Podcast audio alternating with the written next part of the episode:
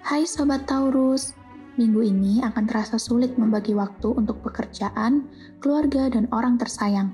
Pandai-pandailah mengatur waktu, jangan sampai semua kegiatan terbengkalai. Di minggu ini juga mungkin kamu merasa sulit memahami diri sendiri. Cobalah untuk menenangkan diri dan mulai mencari apa yang salah. Mungkin kesalahan bukan terletak pada orang lain, tapi pada dirimu.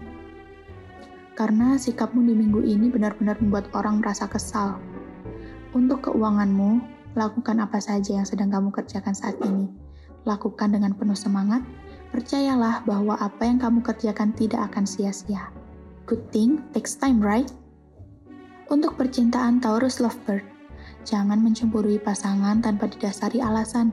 Percayalah bahwa pasanganmu tidak akan main belakang terhadapmu. Untuk sobat Taurus yang masih single, undang keluarga atau teman-temanmu untuk berkumpul dan habiskan waktu dengan mereka. Kamu memang sendiri, tapi bukan berarti kamu benar-benar sendiri.